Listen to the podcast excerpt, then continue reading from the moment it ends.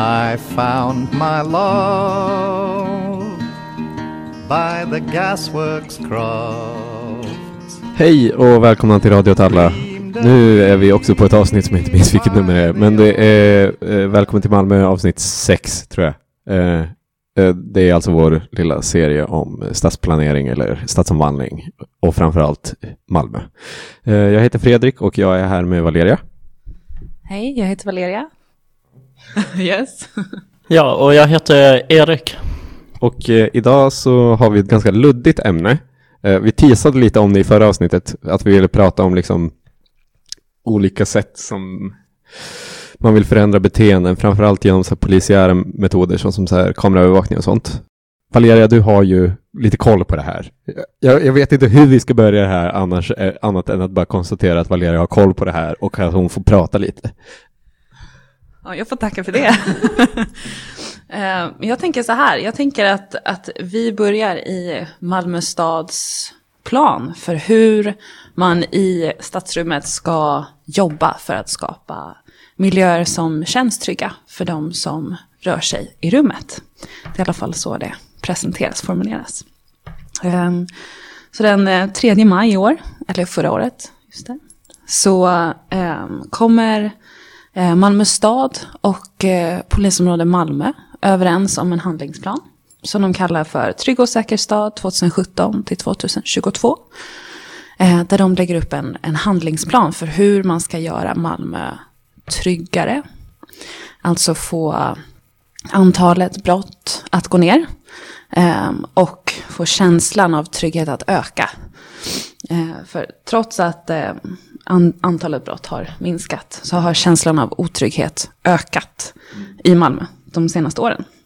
Ehm, det är lite intressant vilka metoder man lyfter fram eh, i den här rapporten. Det som föreslås är fler övervakningskameror bättre belysning på publika platser. Att man ska bli bättre på att sanera klotter. Bli bättre på att städa upp på platser på olika sätt. Eh, renovera tunnlar eh, och andra platser som, som man förstår som, som otrygga idag. Och det här med att man måste sanera klotter och sånt, det är ju intressant i sammanhanget eftersom att det, alltså, att klottra är väl inte något som skapar otrygghet egentligen, utan det är väl någonting som jag antar kanske skapar en känsla av otrygghet snarare än liksom direkt otrygghet. Eh, jag har ju själv klottrat, vilket kanske väger lite in i det här. Eh, men jag känner liksom inte ett dugg, mig ett dugg osäker eller otrygg när jag går förbi ett riktigt nerklottrat plank. Liksom. För, för det kan väl inte vara så att de tror att eh, bara för att eh, någon ungdom går och målar längs med väggarna, att det skapar mer brottslighet, alltså så här, farlig brottslighet, brottslighet som skadar personer. Eller? Så det man menar, och det som kanske också ska sägas att man inte är ensam om att mena i världen, ehm, är att klotter och närvaron av små brott, som typ att urinera offentligt, eh, skräpa ner. Att det visar på en avsaknad av kontroll. Och man menar då att den här avsaknaden av kontrollen gör att brottsbenägna människor begår mer brott. Det är liksom logiken bakom. Men, men stämmer det? Högst omdebatterat. um, jag skulle väl säga att det, det finns mycket som tyder på att det inte stämmer. Vad, vad tänker ni? Uh, ja, jag vet ju ingenting. Jag är bara uh, glatt uh, nyfiken. Men Erik, du har väl rätt bra koll på Parkgatan specifikt? Ja, och Parkgatan är ett intressant fall i just eh, kring de här frågorna. För eh, alltså ena ända, Parkgatan sträcker sig förbi Folkets park i Malmö Eh, och det är främst eh, sträckningen just förbi Folkets park mellan Amiralsgatan och det som kallas Kristianstadsgatan som har varit i fokus de senaste kanske två, tre åren nu. Och eh, för något halva år, år sedan så satte man in extra belysning och en poliskamera i Kristianstad-rondellen med liksom ett uttalat syfte att få bort knarkhandeln därifrån. Men det som är intressant med den här gatan är att eh, den är liksom så planerad på ett sätt som har lämnat ganska mycket luckor. Där liksom det har mer eller mindre tillåtits att liksom Eh, ta sig i besittning av olika grupper. Alltså allt från graffare till liksom så här folk som bara liksom kanske strövar runt lite eller liksom folk eh, ja, men som langar knark. Eh, och det har som inte upplevts som ett problem tidigare utan snarare som en prägel just av den här gatusträckningen. I liksom bilden av Malmö, men specifikt Möllan man har försökt få ut så har just den här gatusträckningen ändå varit. Hela Kristianstadsgatan historiskt sett har varit liksom en väldigt så här, ja men, eh, vibrating alltså, eh, plats. Och jag tror att det är lite eh, karaktäristiskt för den typen av metoder att man vill eh, man vill förändra ett beteende eller ett sätt att vara i en plats genom att upprätta övervakning eller sanera på olika sätt. Ja, men Malmö stad gick också ett steg längre. Eh, för, för, samtidigt som man satte upp den här poliskameran och belysning så i andra änden av Parkgatan där man hade en ingång till Folkets park då försökte man snarare skapa en yta som kunde tas i besittning, men där kontrollen fortfarande låg i Malmö stads händer. Så det man dels gjorde var att man började införa sådana här eh, fast food trucks. Uh, och man liksom började sätta upp uh, en så här mysbelysning. Och också skapa olika element i miljön som folk kunde sitta på och liksom bruka.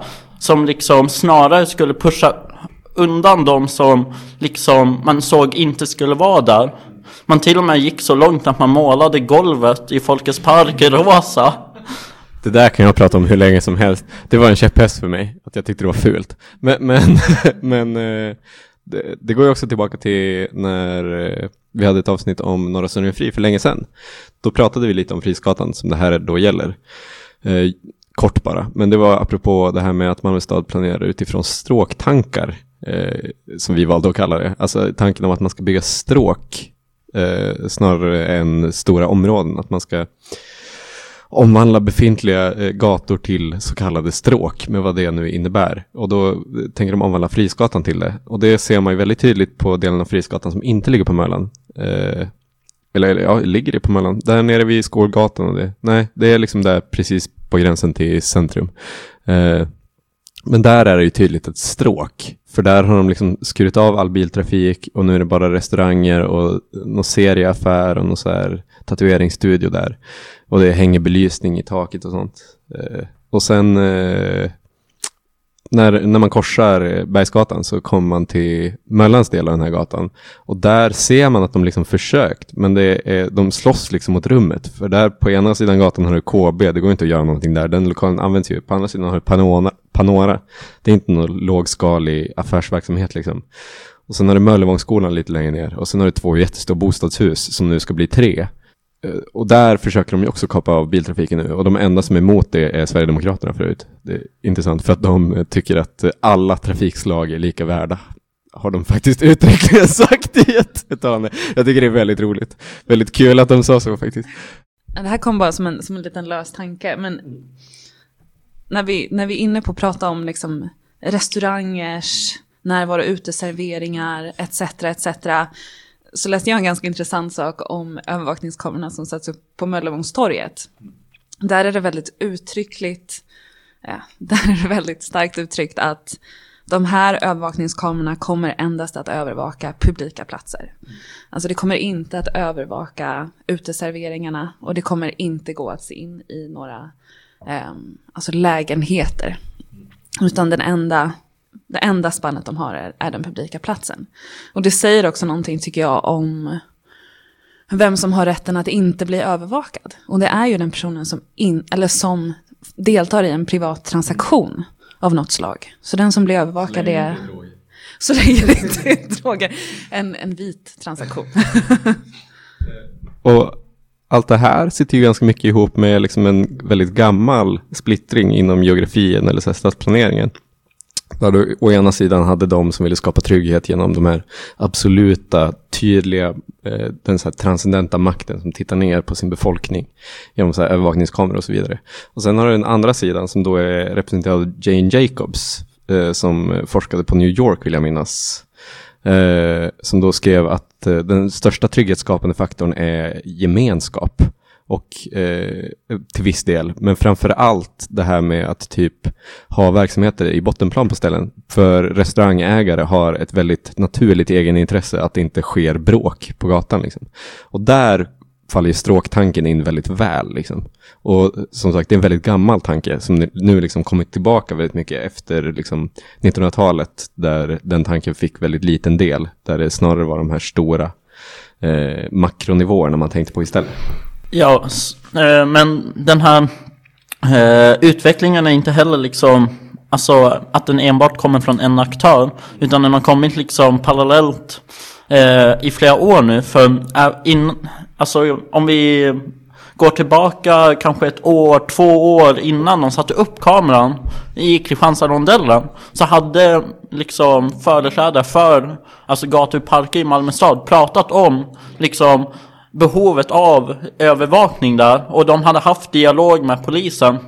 Och samtidigt under de här åren så kom eh, polisens egna liksom eh, så här rapport om utsatta områden. Där man liksom till exempel eh, pekade ut Seved som ett utsatt område. Där vi har nu, jag tror det är tre eller fyra poliskameror. Som eh, är igång dygnet runt.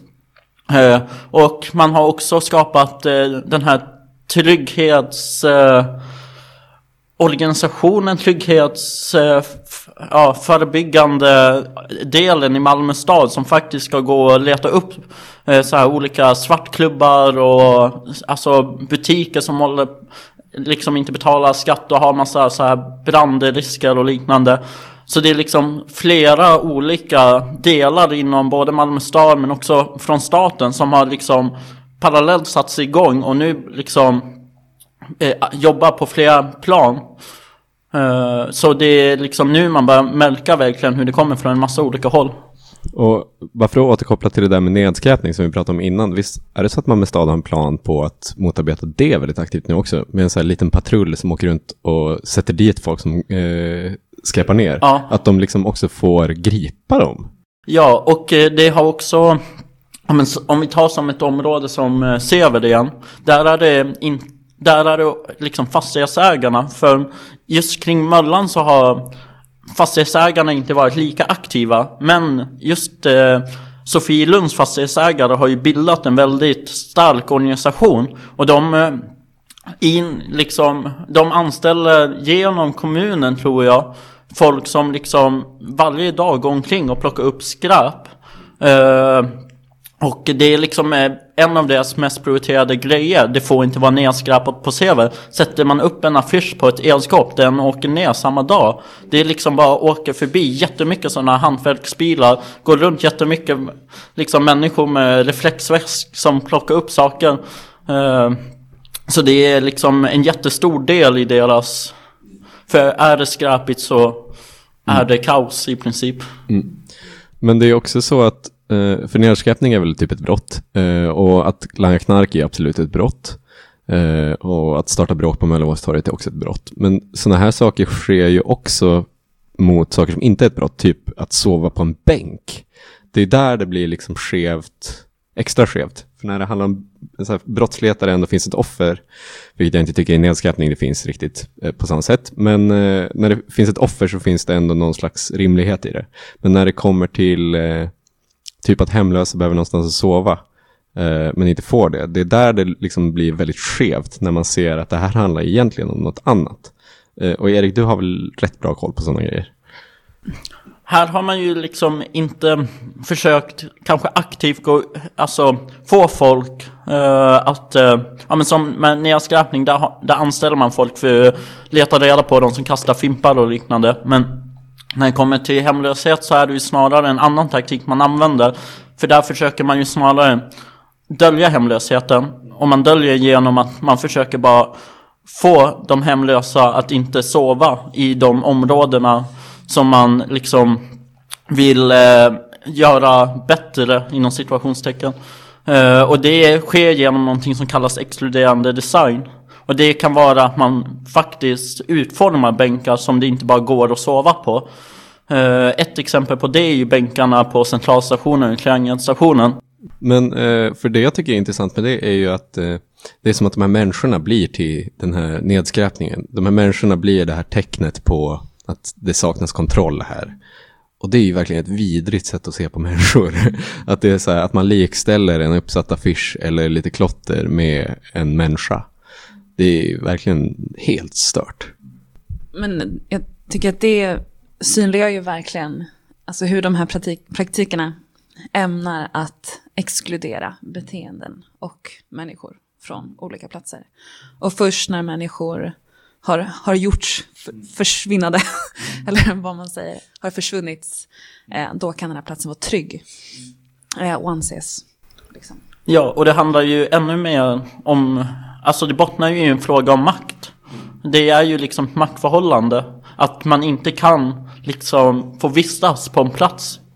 För man är inte den typen av människa som ja, men de som äger husen och de som äger gatorna faktiskt vill ha i det området. Man aktivt försöker mota bort de människorna. Det kan vara med väktare, det kan vara med bänkar som inte går att använda. Det kan till och med vara bara att man ser till äh, liksom att det är så pass kanske rent och så pass ordnat att man bara känner att man inte passar in.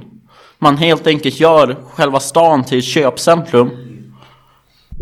Och jag skulle vilja skala upp det ännu mer och liksom tänka på det som att Malmö eller städer i allmänhet är liksom missnöjda med sin befolkning. Att det är som att de, att de vill ha det på ett helt annat sätt. För när man på 1900-talet med så storskalig planering, så folkhemmet och så vidare, så var ju den gängse tanken att staden skulle byggas för att tillgodose vissa behov. Att det skulle vara så, du ska ha ett jobb och du ska kunna handla och du ska kunna leva i det här området. Och det är liksom så, då var det slut. Eh, Medan nu så planerar städer utifrån att man vill liksom förändra hur människor är. Eh, och det är ju också något ganska inhumant i det. Liksom.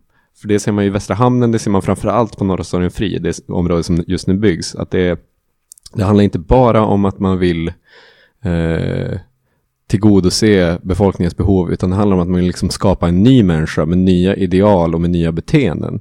Och på så sätt så tycker jag det hänger väldigt mycket samman med liksom, eh, tigga säkra bänkar, eh, kameraövervakning och sånt. Att, man har, att det finns något så stort förakt mot befolkningen. Eh, för på Norra Sverige Fri så ska du liksom du ska inte bara tillgodose dina behov utan du ska liksom bli någonting större. Det finns ett ideal om vem du ska vara och det här idealet kan du uppnå genom att handla saker längs det här stråket. Liksom. Ja, och det här tycker jag är så intressant att läsa till exempel planbeskrivningen när man ska ta fram ett nytt område.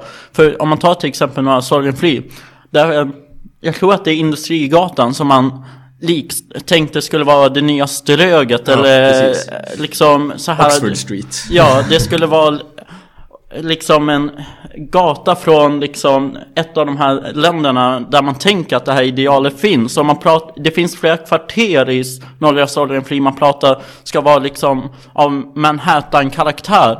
Och det finns ett exempel i eh, nära Seved i Sofielund som är liksom, det är som en, nu en gammal så här, industriområde. Eh, där man pratade om den eh, icke-bilmänniskan. Eller liksom den icke-bilburna människan.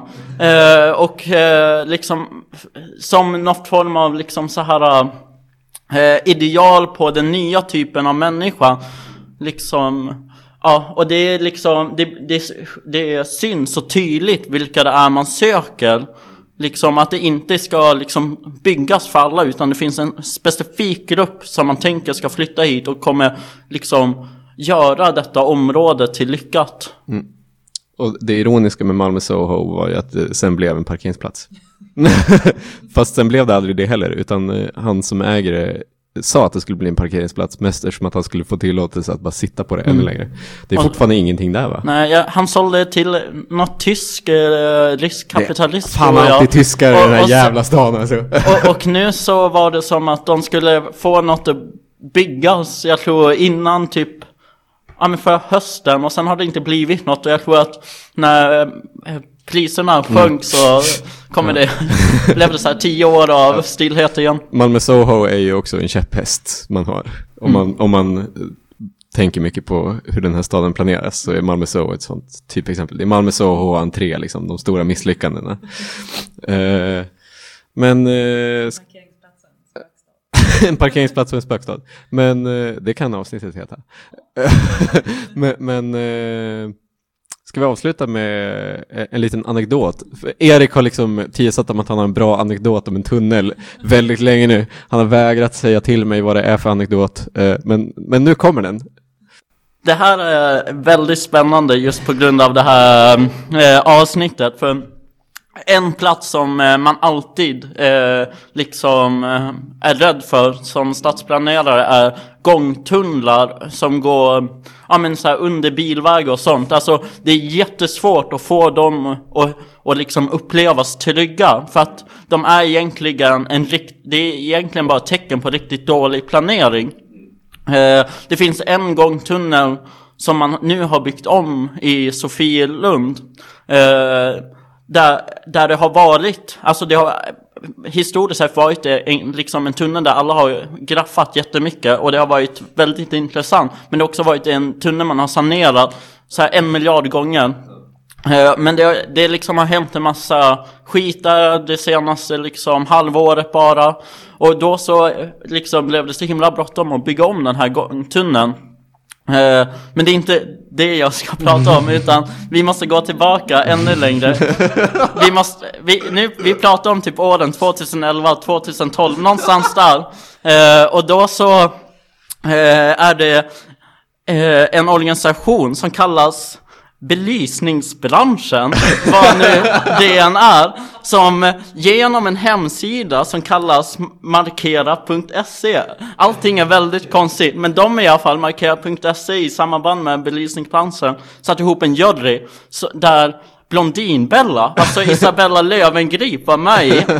Och de hade en omröstning på internet om vilken som var den läskigaste platsen i Sverige. Och platsen som vann var eh, gångtunneln eh, på Dalaplan. eh, det här är alltså en gångtunnel under Isdalsvägen. Eh, och det här satte Malmö i, i en sån skräck, alltså vi pratar om 2011-2012, alltså det var ganska liksom så här uh, nytt att Malmö var en läskig liksom plats. Massa saker som vi har idag, liksom som de här trygghetsåtgärderna, de fanns inte då. Så alla politiker blev så himla rädda att Malmö skulle utmålas som liksom en brottsstad. Så sekunden som liksom det här blir en riksnyhet, för det var ju Blondinbella, mm. liksom hon var riktigt stor då. Metro det var ju tog hennes upp, peak liksom. Ja, Metro tog upp det liksom, eh, så här riksmedia pratade om denna gångtunneln. Så liksom inom loppet av bara några månader förändras den helt, blev så här jätteljus, eh, kakel, typ blått och det var så här klassisk musik som började spelades och de hade en invigning där så här Imma Reepalu var med och, och det är så sjukt och det, det roligaste med den här gångtunneln det är att om man är på Dalaplan så inser man att bara 50 meter bort är det en exakt likadan gångtunnel ja. som man inte har gjort ett skit med som är lika skitig än idag bara för att den här inte nämndes i omröstningen ja. Ja. Men så det är också så att det, hela den jävla eh, korsningen är ju verkligen det sämsta stället på jorden. Jag skulle inte säga den läskigaste, men jag hatar den korsningen. Ja, men det enkla, alltså det, det planeringsmässigt är det ju det svåra. Men det bästa sättet att göra om de här gångtunnlar, det är bara inte göra tunnlar. Tvinga biltrafikanterna att åka i jävla tunnlar medan fotgängare får gå ovanpå. Då skulle man aldrig ha de här problemen. Men istället så bara hamnar vi i de här pisslösningarna. Ja. I allmänhet så finns det ganska mycket så här rimliga lösningar på otrygghet som, jag, som eh, lite blir bortsedda. Jag blev nyligen, eh, fick nyligen höra om en väldigt bra idé på en lösning eh, som liksom aldrig slagit mig, som kom från lite allt alla folk som är en fråga de kommer driva i framtiden. Teaser! Eh, och det är så här gratis kollektivtrafik så att man inte är livrädd som kvinna när man är på väg hem efter att ha varit på krogen. Alltså det är så jävla enkelt. Det hade ju löst så jävla mycket tror jag. Och det är helt sjukt att det inte, att det inte är så liksom. Att man istället tänker att man ska bara lysa upp saker lite mer. Eller att man ska sätta upp lite mer kameror. Så här, herregud. Ett, lös sociala problem. Två, fixa så här superenkla men basala grejer som inte bara löser trygghet utan också gör livet lite mer värt att leva. Typ gratis kollektivtrafik. Och med de orden så kan man säga hej då tror jag. Jag blev lite arg där. Dirty old town. Dirty old town.